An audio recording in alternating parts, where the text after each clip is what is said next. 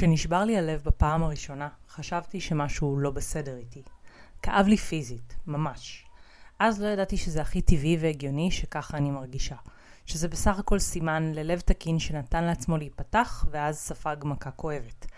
חשבתי שאני דפוקה, ממש דפוקה. ותכלס התביישתי. התביישתי שנתתי מעצמי את כל מה שהיה לי, וניסיתי להיות הכי מדהימה שיש, ועדיין זה לא הלך, ודחו אותי. זה היה כאב עצום להתמודד איתו, ואני לא אגזים אם אני אגיד שרוב הכאב אפילו לא היה בגלל הלב השבור, אלא בגלל כל המסביב. כל מה שאפשר לקרוא לו המטה. שכבה נוספת של פרשנות, מחשבות ואמונות שהייתה לי על המצב, ורק הפילה אותי יותר לקרשים. אז בפרק של היום אנחנו הולכות לדבר על המיקס ההרסני הזה של לב שבור שמגיע ביחד עם עוד כל מיני מחשבות לא טובות שמצטרפות לחגיגה, ועל מה אפשר לעשות במצבים האלה, שהם חלק מהחיים. מצבים שבהם שמת את עצמך שם בחוץ וספגת פגיעה. פתיח קצר ומתחילות. היי, אתן מאזינות לפודקאסט קפיצה קוונטית, ואני נועה גורן, המנחה של הפודקאסט הזה. אני חוקרת את חוק המשיכה ועולם זימון המציאות משנת 2003, ומלווה נשים ליצירת חיים של שפע, הצלחה, אהבה והגשמת חלומות בעזרת כלים אנרגטיים ותודעתיים. אם את רוצה לקחת את החיים שלך קדימה ולמעלה ולקבל כלים, ידע ותובנות שיקדמו אותך בדרך שלך, אז הגעת למקום הנכון. בפודקאסט הזה אנחנו נדבר על מה באת לעשות פה בעולם הזה, מה הולך ליצור לך את חיי השפע והשגשוג שאת מבקשת לעצמך, מה מעכב הגשמה והצלחה, ומה יכול לייצר קפיצות קוונטיות, אותם שינויי מציאות מהירים שמרגישים כמו קסם אמיתי כשהם קורים. מוכנה? אנחנו מתחילות. במסגרת העבודה שלי באימון בזימון יוצא לי לפגוש ולדבר עם לא מעט נשים שסובלות מלב שבור או שסבלו מלב שבור בעבר, והפחד משידור חוזר של הכאב שהן חוו שם מנהל אותן בהווה. ולפני שנצלול פנימה ונתחיל לדבר על דברים שיכולים לעשות את כל ההבדל, אני רוצה לרגע לדבר על המוטיבציה. למה בכלל לטרוח? יש אנשים שאחרי פגיעה כזאת או אחרת הולכים על בטוח, סוגרים את השערים. עדיף לא להתאהב, לא לתת אמון, לא לקוות שמשהו טוב יקרה. לא כולם קולטים שהם עושים את זה במודע, חלק כן, אבל כך או אחרת התוצאה היא אותה תוצאה. חיים שהופכים לאפורים יותר, עצובים יותר, ועם הרבה פחות תהליכים של גדילה והתפתחות. וכאן אני חושבת יותר מהכל, טמון הדבר שחשוב להיזהר ממנו. האני מאמין שלי אומר שלא באנו לפה, לכדור הזה, בשביל להעביר את הזמן המוגבל שיש לנו עם ללכת על בטוח ולהגן על עצמנו מכל מה שאולי עלול לקרות. להפך, באנו לפה בשביל לחוות חוויות וללמוד שיעורים, ואז להתפתח ולגדול לרמה הבאה, ושם לחוות עוד חוויות וללמוד עוד שיעורים. ואם על הדרך קורה משהו שהוא לא נעים, זה אף פעם לא קורה בשביל שנוציא את עצמנו מהמשחק. תמיד יש משהו טוב, תמיד יש משהו מתוק להוציא מכל קוץ מר, ולב שבור הוא לא שונה מהבחינה הזאת. הלב השבור שלי לימד אותי, וואו, אין ספור שיעורים.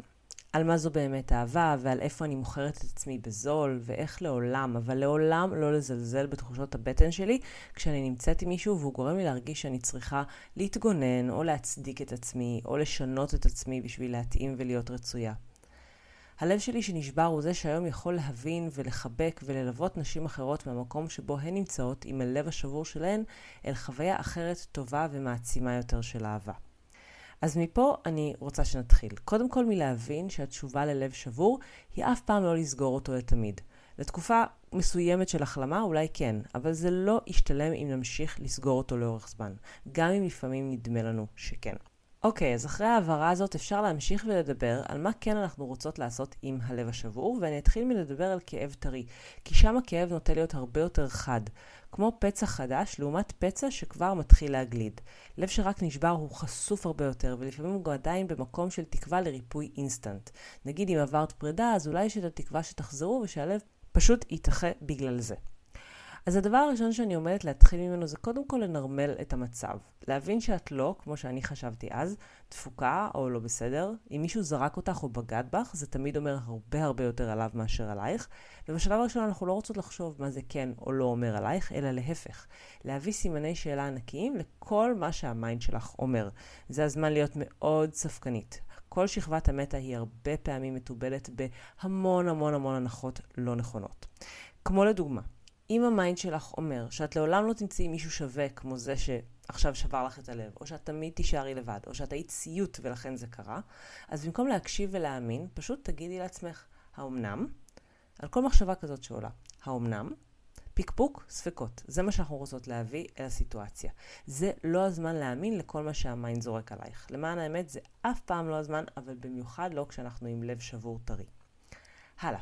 הדבר השני זה להעלות בסדר העדיפות, אם עדיין לא עשית את זה top priority, אז זה הזמן לתעדף את ההכנה ואת השימוש במה שאפשר ככה לחשוב עליו כעל ערכת ריפוי ללב. דברים כמו מסאז', ספרים שמרימים אותך, קיטש בנטפליקס שמחמם לך את הלב, שמנים ארומטיים, אולי קצף אמבט אם את בעניין ויש אופציה, הליכה מרגיעה בטבע, לחבק עץ, את יודעת מה נעים לך. וזה מאוד מאוד חשוב שיהיה לך נעים, כי כל רגע שנעים לך יותר זה רגע שבו הלב מקבל תנאים טובים יותר להחלים. את גם תגלי שכשאת לא בשכבת המטה של האירוע, כלומר לא כל הזמן במחשבות על הלב השבור ובניתוחים, כמו האם תחזרו, או מה כזה דפוק אצלך שזה קרה, או כל מחשבה אחרת שהיא ממש עוד חבטה בפני עצמה, כשאת נטו עם החוויה הכואבת הראשונית של מה שבאמת קרה, אז נהיה יותר אפשרי להתמודד ולהכיל את הכאב. ושערכת הריפוי באמת עוזרת ליצור הקלה, ובאמת עוזרת ליצור תנאים טובים יותר לריפוי והפיכת הכאב מחד לכהה יותר. שמבחינתי זה מה שאנחנו הכי רוצות לשים עליו דגש בשלב הראשון כשהפצע טרי. מה שחשוב שתזכרי פה זה שריפוי, ממש כמו עם פצע אמיתי, לוקח זמן. גם כשניתן לפצע את התנאים האידיאליים ביותר להירפא, זה עדיין תהליך שייקח זמן. ככה זה בטבע, ואין מה להתבאס או לשפוט את זה.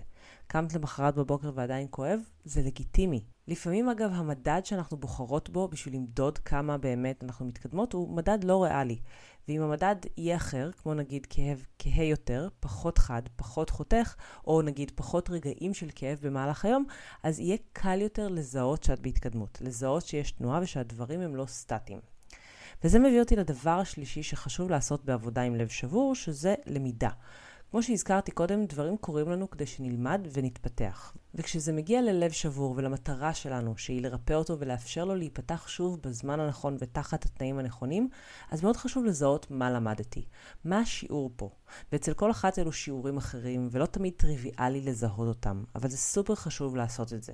כי זה מה שיכין את הקרקע לצעד הבא, לדבר הבא בתהליך, שהוא להסכים לפתוח את הלב מחדש. וההסכמה הזאת היא לא מתבססת על זה שיש ערבויות, או ביטחון שלעולם לא יישבר לך הלב שוב.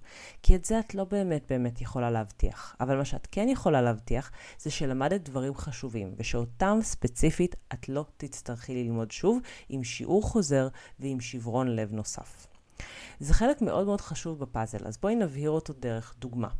בואי נגיד שנכנסת לקשר עם מישהו שהיה לך איתו חיבור מדהים, אבל במילים שהיו עוברות ביניכם, את זיהית סימני אזהרה. אמירות כמו, את מדהימה, אבל אני לא יכול לתת לך את מה שאת רוצה, או וואי, מי שיהיה איתך יזכה, או אני לא מוכן לקשר רציני. אם שמעת כל מיני אמירות כאלה והחלטת להתעלם מהן, או לתת משקל גדול יותר לתחושה של החיבור ושל האינטימיות שהרגשת שיש ביניכם, ואז הקשר נגמר, אז אחד השיעורים שאולי אפשר לקחת מפה זה להקשיב לאמירות כאלה.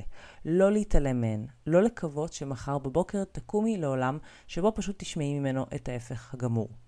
שיעור כזה, כשלומדים אותו, זה משהו שהוא מאוד ברור ומורגש. או שזה מביא לזה שזהו, את מתחילה למגנט ולבחור אנשים אחרים שיגידו לך בדיוק את ההפך, את הוואו, אני ממש שמח שאף אחד אחר לא תפס אותך, או אני בשל להתקדם לשלב הבא, או אפילו כזה בקצרה, אמירה כזאת של זכיתי. או שבפעם הבאה שמישהו משחרר לידך אמירות כאלה שהן אזעקה, את לוקחת את עצמך והולכת. כך או כך, שיעור שנלמד משנה את העולם שלך. העיקרון פה הולך לפי הפתגם שאומר, כשאת מפסידה, אל תפסידי את הלקח. וזה בדיוק הרעיון. להתייחס ללב השבור כאל חלק מהחיים, לתת לו מקום ואהבה, לקחת ממנו למידה ושיעורים, ואז להמשיך הלאה. ואם את חולמת על אהבה זוגית גדולה, מרגשת ומדויקת, אז אני רוצה להזכיר לך שהתפקיד שלך בתהליך לזימון האהבה הזאת הוא לנקות את השביל לאהבה. זה לא מבטיח שתגיעי מחר, אבל זה כן מבטיח שאת הולכת לחסוך זמן וכאבי לב על התלבטויות, על אנשים לא מדויקים ועל שברונות לב שאפשר היה לחסוך. ואני מזמינה אותך, אם את מתחברת אליי ולדרך שלי, לקחת את תהליך זימון האהבה שלך לרמה הבאה עם תוכנית הליווי True Love. שישה שבועות בהם את הולכת ללמוד מה זה באמת לזמן. לזמן אהבה בצורה שהיקום ישמע. איך לנקות את החסמים שהיום אולי תוקעים לך מקלות בגלגלים, ואיך לצאת החוצה לעולם ולמגנט אלייך את האדם המדויק שאיתו קשר מהסוג שאת חולמת באמת יכול לקרות. אז אם זה משהו שמעניין אותך, תכתבי לי ישירות או פשוט חפשי אותי באינסטגרם אימון בזימון בשביל לקבל את כל הפרטים על תוכנית True Love. אז תודה רבה שהאזנת לפרק הזה. אם אהבת את מה ששמעת, אני הכי אשמח בעולם אם תשתפי ותדרגי ותעבירי הלאה למי שהתוכן הזה יכול לעזור לה. ואם את עדיין לא עוקבת אחריי באינסטגרם, אני מחכה לך שם. חפשי אימון בזימון כדי לקבל ממני ים של תוכן, הדרכות וטיפים על איך לעשות קפיצות קוונטיות וליצור את החיים שאת רוצה בקלילות ובהנאה. זה הכל בינתיים, ואנחנו נשתמע בפרק הבא.